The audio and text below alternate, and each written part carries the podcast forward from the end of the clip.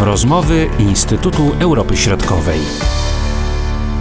Witamy Państwa serdecznie w rozmowach Instytutu Europy Środkowej. Marcin Superczyński i dr Justyna Marzec po raz pierwszy w naszym podcaście. Witam szczególnie serdecznie. E, dzień dobry, dziękuję za zaproszenie. W tym naszym odcinku będziemy rozmawiali o przyszłości Czech, bo ustami premiera rządu zostały zaprezentowane pewne rozwiązania, kierunki, w którą stronę Czechy mają się rozwijać. Co z tych zapowiedzi jest najistotniejsze Twoim zdaniem? W moim odczuciu kwestie energetyki i kwestie współpracy międzynarodowej, takie dwa, dwa główne moim zdaniem e, filary e, z tych sześciu, które zostały przez e, premiera przedstawione. Republika Czech ma do odrobienia bardzo dużą pracę domową po kryzysie pandemicznym na tle pozostałych państw Unii Europejskiej. Bardzo powoli nadrabia straty poniesione w kryzysie, po kryzysie pandemicznym, ale również również nie wykorzystała do tej pory szans, które e, przyniosła Unia Europejska i mam tutaj na myśli chociażby infrastrukturę e, transportową czy też energetyczną. E, natomiast z punktu widzenia tego, co dzieje się w obszarze europejskim, ten obszar związany z energetyką, a co za tym idzie bezpieczeństwem energetycznym, jest kluczowy też mając na uwadze to, e, jaki potencjał zasobowy Czesi posiadają.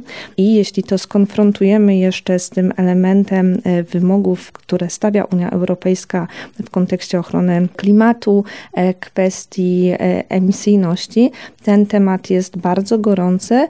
I druga kwestia to miejsce i rola a także znaczenie Republiki Czech w regionie i w Unii Europejskiej. Czy te zapowiedzi to w dużym stopniu są nowości, czy są już pewne elementy, które były wcześniej kontynuowane, a teraz można powiedzieć zostały bardziej wyartykułowane? Biorąc pod uwagę to, jak e, rząd od dwóch lat e, po wyborach organizuje swoją pracę, e, wydaje mi się, że tutaj na te filary i na te główne kierunki na najbliższe 30 lat przedstawione przez premiera, można dostrzec swego rodzaju podsumowanie tego, co zaczęto robić właśnie w tych obszarach prawda? Więc to nie są jakieś nowości, gdzie Republika Czech w tym momencie będzie zaczynała, e, tylko to są elementy już zapoczątkowane, e, których rząd spodziewa się e, kontynuacji.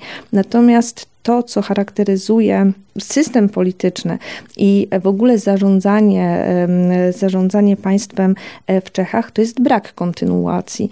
Więc tutaj ciekawym wątkiem będzie to, czy e, po zmianie, potencjalnej zmianie e, rządu w przyszłych wyborach, te zapowiedzi będą kontynuowane. Wydaje się, że z jednej strony ten obszar właśnie energetyki jest obszarem szczególnie istotnym dla państwa, ale też takim obszarem, w którym bardzo ciężko wprowadzać zmiany, bo one zazwyczaj mają charakter systemowy, jeśli mówimy o takim kompleksowym podejściu do bezpieczeństwa energetycznego, ale tutaj też kluczowa e, kwestia współpracy międzynarodowej. To będę szczególnie podkreślała, dlatego że e, Czesi wykorzystują, mam e, wrażenie, swoją pozycję, swój potencjał do tego, żeby wzmocnić jednak ten komponent współpracy międzynarodowej w tym wymiarze dwustronnym i wielostronnym. Czyli Czechy chcą być bardziej obecne w Unii Europejskiej, ale także poza Unią, niekoniecznie jeśli chodzi o Trójmorze. Dokładnie. Tutaj zgadzam się jak najbardziej e, z tym. E, po pierwsze, podczas przewodnictwa w Grupie Wyszehradzkiej Czechy deklarowały konieczność wykorzystania tego formatu. Zresztą tutaj e, premier w, nawet w ostatnich wypowiedziach mówi, że Grupa Wyszehradzka to nie jest format, który się wyczerpał i z niego przede wszystkim trzeba korzystać. Tutaj musimy pamiętać, że Grupa Wyszehradzka to jest ten twardy y, trzon czterech państw, ale mamy również formułę y, plus, prawda? Więc to, są kolej, y, to jest kolejnych dziewięć państw, ale Unia Europejska jak najbardziej. Rząd jest bardzo nastawiony na współpracę w dalszym ciągu w ramach tego formatu, ale również kierunek azjatycki. I tutaj azjatycki szeroko pojęty to jest współpraca z Tajwanem, obserwacja tego, co dzieje się w Chinach i wykorzystania tego potencjału chińskiego, który niewątpliwie jest już obecny na, na rynku czeskim, oraz współpraca z Australią i Oceanią. To też jest taka dość, możemy powiedzieć, egzotyczna nowość, jeśli chodzi o realizację polityki zagranicznej Czech. A to balansowanie między Tajwanem a Chinami to jest bardzo trudna sprawa i wydaje mi się, że w pewnym momencie trzeba jednak będzie na coś postawić. Oczywiście i, i tutaj myślę, że ciężko w tym momencie stwierdzić, którą stronę, w którą stronę e, te relacje e, będą rozwijane. E, wiadomo, Chiny są mocniejszym partnerem, natomiast zauważmy, że pozycja Chin może bardzo szybko i dynamicznie zmienić się w kontekście działań rosyjskich i tej współpracy chociażby na kanwie energetycznej Rosji i Chin, prawda? Więc Tajwan obecnie e, jest za, jakby współpraca z Tajwanem jest obecnie rozwijana z punktu widzenia e, budowania fabryki, kwestii związanych z elektromobilnością. Chiny mają większy potencjał, są bardziej agresywne i niekoniecznie mm, może będzie to ten format właśnie współpracy, który zagości na stałe w Republice Czeskiej. Natomiast musimy pamiętać, że te firmy chińskie również są już obecne na rynku. Myślę, że od Chin nie uciekniemy. Jakby Chiny są wszędzie, w każdym państwie. E, natomiast e, zobaczymy, gdzie ten pragmatyzm, w którą stronę ta szala, e, szala się przechyli, dlatego że Czesi są pragmatyczni, tak? Więc tutaj balansowanie myślę, że do ostatniego punktu do ostatniego miejsca będzie to taka polityka balansowania i właśnie pragmatyzmu. Myślę, że to powinni utrzymać. A jeśli chodzi o kwestię bezpieczeństwa i tutaj dostrzeganie tego zagrożenia, które y, no, płynie ze wschodu, prawda, ze strony Rosji, jak to jest definiowane? To jest bardzo ciekawe pytanie w kontekście e, strategii bezpieczeństwa, e, która e, została opublikowana we wrześniu tego roku, dlatego że w dokumencie e, określono bardzo mocno, jakby podkreślono e, to, że e, Federacja Rosyjska stanowi poważne zagrożenie i że jest to ten element, który zmieni geopolitykę, który wymaga stałego monitoringu i adekwatnych działań. Więc ten wątek został szczególnie podkreślony i warto tutaj również zwrócić uwagę na to, e, że jest to pierwszy taki zapis w strategii, w strategii bezpieczeństwa Czech, w którym właśnie stwierdzono w sposób oficjalny, e, w sposób bardzo klarowny, że bezpieczeństwo Republiki Czech jest zagrożone. Zresztą jest to prawidłowo z, mm, określone, prawidłowo zdiagnozowane, ale na uwagę właśnie zasługuje fakt, że zostało to wpisane do dokumentu, bo do tej pory te określenia związane z bezpieczeństwem, z zagrożeniami, nie tylko zresztą w, w dokumentach czeskich, były bardzo poukładane i bardzo uczesane, takie bardzo wygładzone, że jesteśmy prawda, w sytuacji, w której mamy zagrożenia, one są potencjalne, natomiast w tym dokumencie wskazano, że to zagrożenie idzie ze wschodu. Zresztą ma to potwierdzenie y, w różnych płaszczyznach, nie tylko bezpośrednio bezpośrednio związanych e, z e, bezpieczeństwem militarnym, ale również e, z energetycznym. Jeśli chodzi o inne tutaj kierunki, które zostały jeszcze wskazane, o których nie powiedzieliśmy. Czechy mają w programie przedstawionym przez premiera rozwijać się dwutorowo. To znaczy tutaj ten wątek, o którym już powiedziałam w zakresie polityki zagranicznej, to jest jeden aspekt, ale również w przemówieniu premier zwrócił uwagę na kwestie związane z tym, co dzieje się wewnątrz. E, więc tutaj zarówno kwestia e, reform społecznych, systemu emerytalnego, e, one będą kontynuowane w przyszłości i tutaj ten element w ogóle z polityką społeczną jest dość istotny dla Czech, bo pamiętajmy, że problemy demograficzne to jest ten element obecny w ogóle w całej Unii Europejskiej, natomiast w Czechach program związany z, z zachęcaniem do zwiększania przyrostu naturalnego jednak już widać pierwsze tąpnięcia w tym e, zakresie.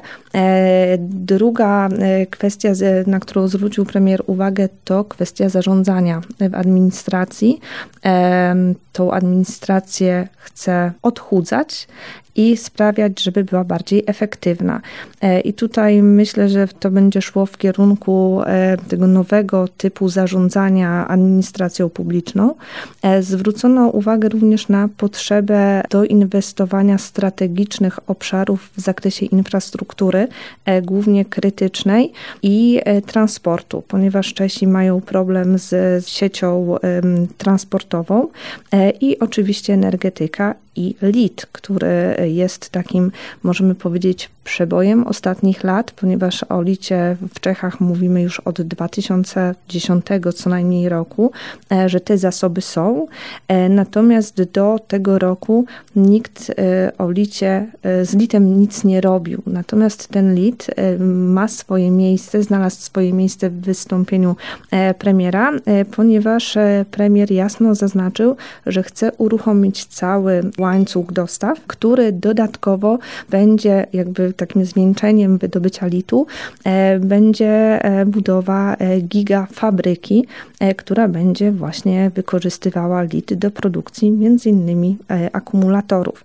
I to jest też bardzo istotny element, jeśli mówimy o licie, biorąc pod uwagę mm, zamykane kopalnie węgla brunatnego, i pozostawionej takiej luki na rynku pracy, ponieważ e, zamknięcie kopalni będzie związane z przyrostem e, bezrobocia.